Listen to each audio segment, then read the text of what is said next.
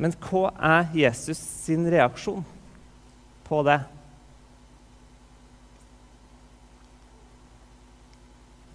Nei. Jesus sin reaksjon er dere leter ikke etter meg fordi dere har sett tegn, men fordi dere spiste av brødene. Eller som det står i The Message sin oversettelse, som er en litt enklere oversettelse på engelsk. You've come looking for me, not because you saw God in my actions, but because I fed you, filled your stomachs, and for free.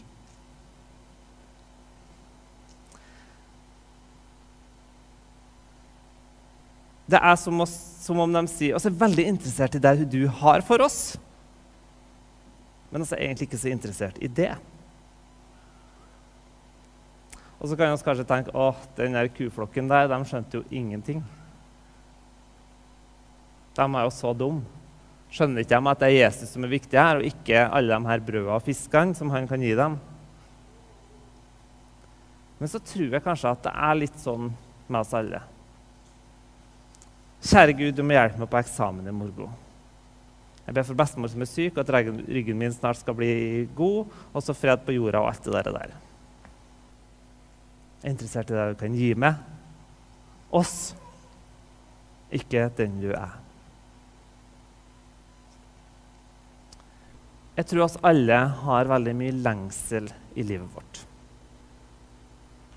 Oss eh, lengter kanskje etter at um, ting skal bli litt bedre, litt roligere, litt mindre stress. At vi snart kan få en klem. Vi lengter kanskje etter å en dag kunne få barn, gifte oss og den pakka. Jeg lengter etter en dag få fri fra barna. Og jeg tror at denne lengselen det er noe dypt inni oss som Gud har skapt. Der han sier fordi at i første, nei, i første Mosebok, når han skaper jorda, så sier han til oss Vær fruktbare, bli mange. Oss jager etter livet, oss vil ha mere. Og det er naturlig, og det er godt. Og det er nemlig sånn at jeg tror at dette her ikke bare er liksom en fornuftig greie at oss ønsker liv. Men det er noe som er litt sånn ufornuftig i oss. Det er ikke kjempefornuftig nødvendigvis for oss i Norge 2020 å få barn. Det er liksom noe i oss som vil ha barn og vil reprodusere oss. Men det er ikke det mest fornuftige du kan gjøre. Det er ikke spesielt økonomisk, ikke spesielt tidsbesparende. Det er ikke noen garanti for lykke. Og alle som har vært på City Lade lørdag klokka halv tre, ser kanskje at det er, det er ikke det mest praktiske. Men likevel så ønsker oss barn. For oss ønsker liv. Oss ønsker det som er godt, det som Gud har skapt. Og Hvis vi leser første Mosebok, så flommer det over av liv. Så oss ønsker det. Og når vi får liv, så gjør det oss godt. Og jeg vet ikke hva du lengter etter nå. Men vi lengter etter liv i forskjellige fasonger. Noen lengter etter barn å få det. Andre lengter etter å endelig få dra på jentetur til Syden og sitte på ei på en strandbar, passe hvitvinsmarinert og bare rope ut 'Dette er livet, jenter!' Nei, jeg vet ikke. Um,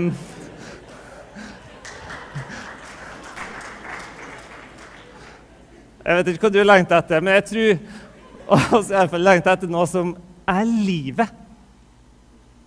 Men hvor er det vi leter? Psykologen Irvin Jalom han tilhører en gren av psykologien eh, som tenker at eh, all redsel, all angst vi har i livet, det har sin rot i egentlig en redsel for døden. Og Han sier i dette sitatet her, redselen for døden gjør seg gjeldende overalt. Og med en slik styrke at vi bruker en stor del av vår livsenergi på å benekte døden. Å overskride døden er et sentralt motiv i menneskets opplevelsesverden.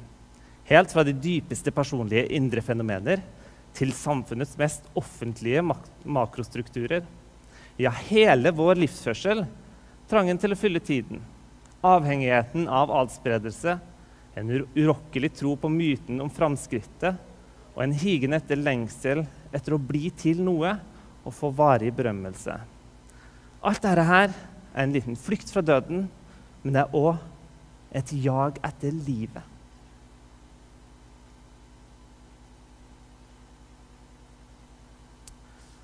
For dem som var her forrige uke, så og hørte det som Lise sa, eller hørte på podkast, så snakka hun om to brødre som på hver sin måte jagd livet. Og sa da om den bortkomne sønnen som kom hjem igjen. Den yngste sønnen, som jagd livet i et evig liv i sus og dus, med fyll, med festing, med prostitusjon og hele pakka. Og prøvd hedonismens vei for å få masse liv. Den andre han søkte etter status og anerkjennelse i en sånn innbitt plikttroskap og mest mulig forsøk på å leve et korrekt liv. Og så får begge smake konsekvensen av denne måten å leve livet på. Den ene i rennesteinen, den andre i sitt eget fangenskap av bitterhet.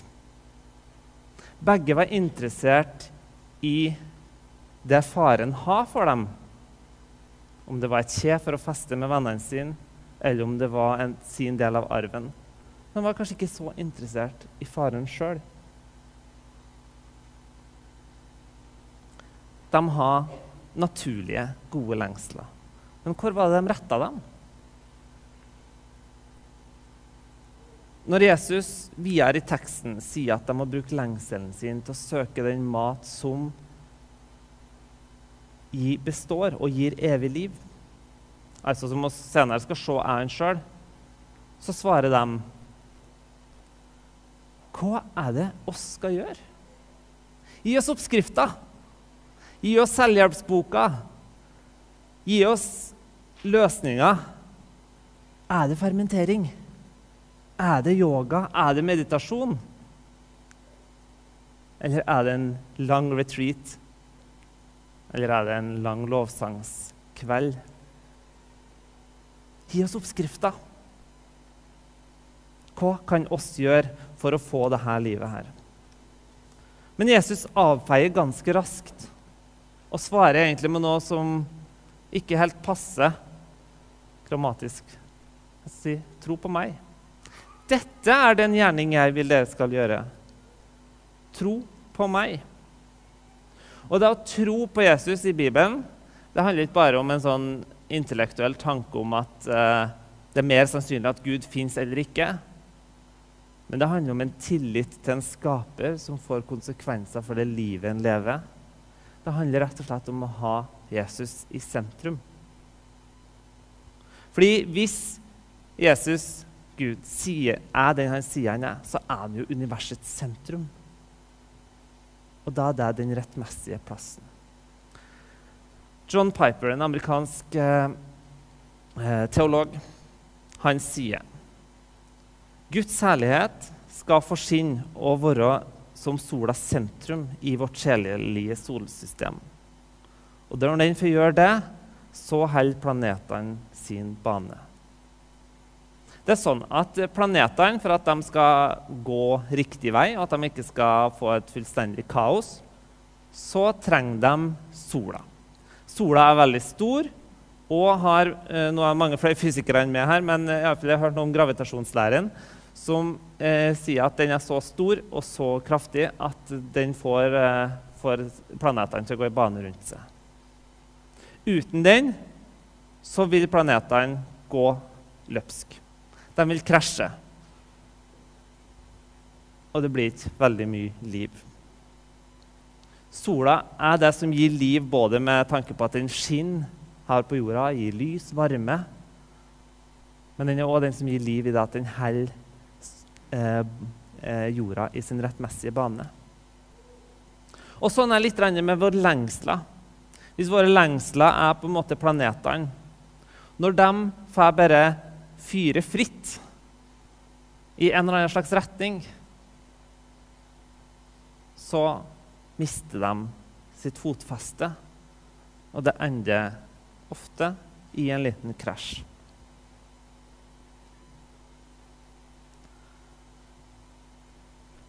Når jeg var liten, så tenkte jeg at jeg har veldig få argument for at folk skulle bli kristen. Det var liksom ikke så fristende. For meg så innebar det å være kristen gjerne å ikke banne. Og ikke få lov til å sitte og se på NRK Sportssøndag hver søndag mellom 11 og 1. Og så var det ikke så mye verre enn det, men det var ille, ille nok da, til at jeg ikke ville liksom, presentere det livet her til alle sammen. Men nå, når jeg har blitt litt mer voksen, iallfall, så har jeg blitt mer og mer overbevist om at det å ha Jesus som et sentrum i livet, det er det som gjør at alt det andre holdes på plass og får sin rettmessige plass. Som gjør at det kan vokse og gro til det det er ment å være. Og jeg ser det egentlig overalt nå i det sekulære samfunnet. Der alle sammen skal finne seg sjøl, finne sin egen identitet. Og oss har epidemiske tilstander av angst og depresjon. Eller porno- og spillavhengighet. For når det er lengslene våre som må sentrere livet vårt rundt Vårt jag etter livet som egentlig er godt, men når det bare handler om den ene tingen, så mister oss fotfestet, og det går galt. Nå skal jeg ha en liten smal referanse. Noen av dere tar dem. Dere andre får bare se på bildene og så ta, eh, tenk. Fordi det fins mange måter å liksom bli dratt bort fra den kursen vi tenker. Det kan være karriere. Det kan være den perfekte, artige familien. Det kan være de perfekte rammene en helt velplanlagt uke. Det kan være den perfekte Instagram-profilen. Det kan være den store kjærligheten. Og det kan være bare at alle sammen er glad og fornøyd, og ingen krangler. Det er ikke at det er negativt noe av å ha karriere. Det kan være godt, det. Så lenge det er godt for det, din familie, verden og relasjonen til Gud.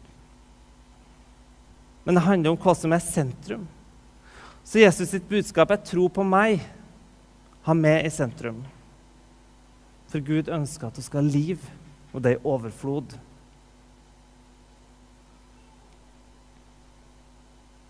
Og skal gå tilbake til teksten. Akt 2. For hva tilhører han sin reaksjon til Jesus? Greit nok og skal liksom ha det som en sånn rabbi, som en lærer, som oss organisere livet vårt etter. Men hva så? Er du den som er lovd? Er du Messias? Hvilke tegn gjør du som kan vise det? Igjen så er de jo ufattelig dum, da, for han har jo nettopp fôra 15 000-20 000 mennesker med fem små brød og to spisk. Og så skjønner de liksom ikke at det er kanskje et tegn på at han er Messias. Nei, men ikke fornøyd.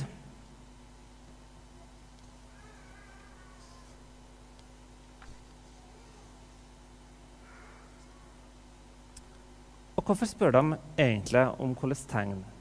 Så refererer de til ja, men Moses han, der i, når vi gikk i ørkenen, da fikk oss jo brød hver dag. Hver bidige dag så ga Gud oss mannakorn som vi kunne male sammen og lage til brød. Hvilke tegn gjør du? Jeg skal ta et lite skritt tilbake. For Hvorfor lurer jeg meg egentlig på det her? I Johannes 6,4, altså helt i starten av kapittelet her, så sier de en viktig opplysning. Påsken Jødenes høytid var nær. Og påska det var virkelig en tid da de var helt besatt av brød. Sånn for dere som ikke er fra Norge og tenker at i Norge er vi besatt av brød, så skulle dere ha møtt en jøde på Jesu tid rundt påsketider.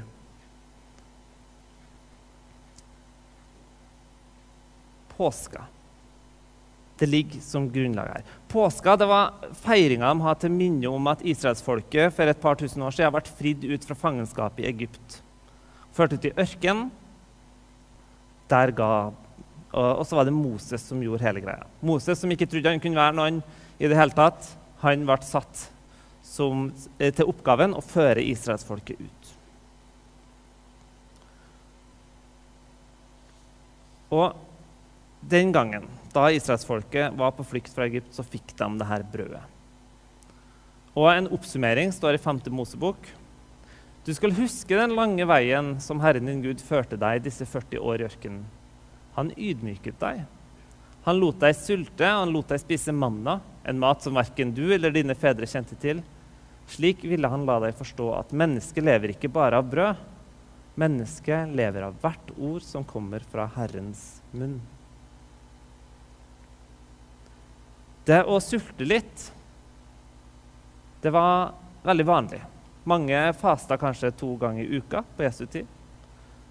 Så det å sulte litt det var noe som gjorde at de kom i kontakt med sine lengsler. Det er en av grunnene. Og det har også alle oss som har prøvd å faste, vet at du virkelig kommer i kontakt med lengselen etter mat. Det er jo en god lengsel, egentlig. Og så venta de på Messias, en profet som skulle være like stor som Moses. Så Moses sier jo til israelsfolket i 5. Mosebok en profet som meg vil Gud la stå frem. Så nå begynner folk å lure på er Jesus den nye Moses. Er Jesus den nye Moses?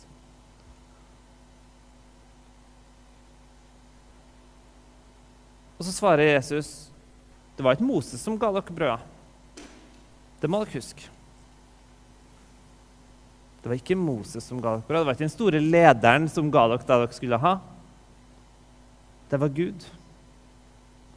Men ja, Det er jo greit nok, det er sikkert alle enige om. Men når da Jesus sier 'Jeg er livets brød', da blir det reaksjoner.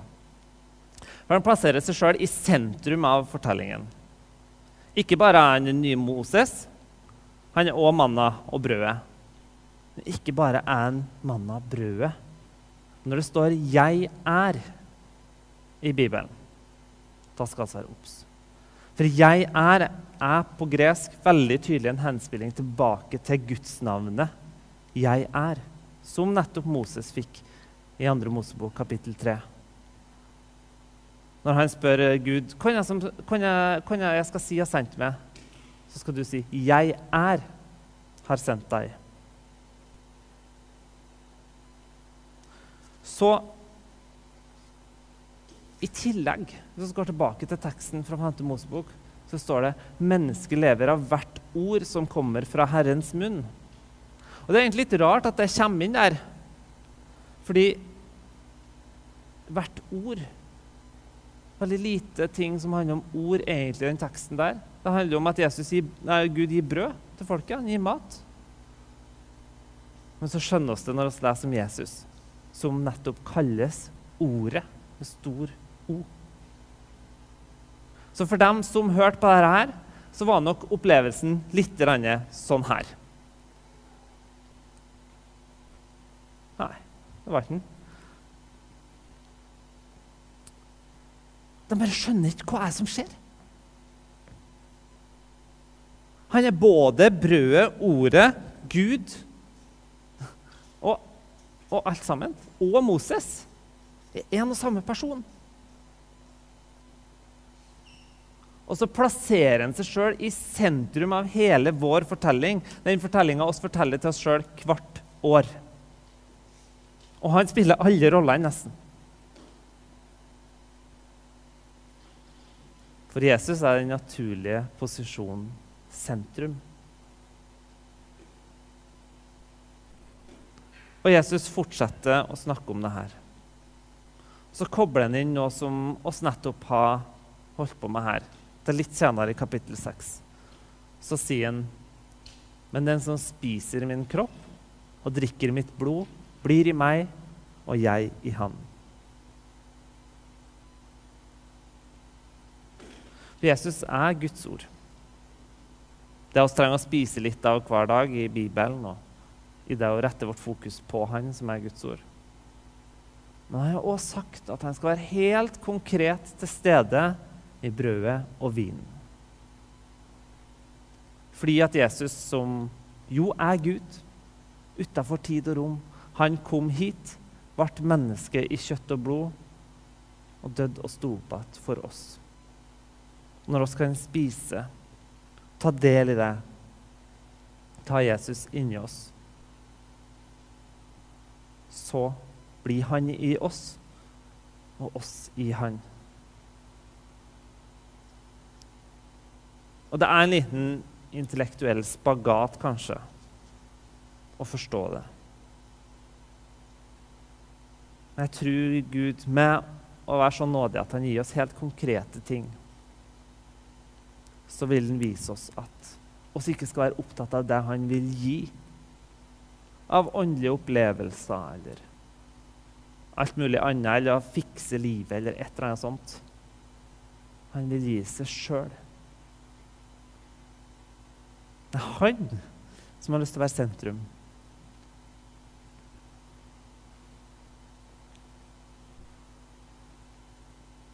Når vi kommer fram til nattverden, så tar vi imot med helt åpne armer. Og så er helt lik. Det er ingen som gjøres forskjell på. Det er ikke sånn at noen får en stor bit, noen får litt, litt mer vin. På forhånd, nei, eh, Beklager til den fireåringen forrige gang som fikk helt fullt beger av meg. Det var ikke meninga. Men vanligvis så skal jeg få omtrent like mye. For at vi skal bare få ta imot. Fordi Jesus sjøl står med åpne armer. Og så leser vi senere teksten. Den som kommer til meg, vil jeg aldri støte bort.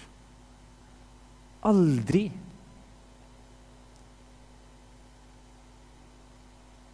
På samme måte som både den bitre eldre broren og den frilynte yngre broren kunne komme, så har Jesus sagt jeg vil aldri støte det bort. Og jeg vet ikke hvor du er i dag. Mest sannsynlig så er du sånn som meg. En del plasser i livet, områder i livet der Jesus ikke akkurat får lov til å være sentrum. Jeg har beveget meg litt ut på ville veier. Min bane går ikke lenger rundt sola. Den går rundt meg sjøl. Og sånn som hver dag, Men spesielt hver søndag så har vi da invitasjon til å si Jesus, jeg vil at du skal få være sentrum. Jeg vil at du skal få være det kraftsentrum som den tyngdepunktet som jeg kan kretse mitt liv rundt. For da blir ikke alt sammen opp til meg og mine egne greier.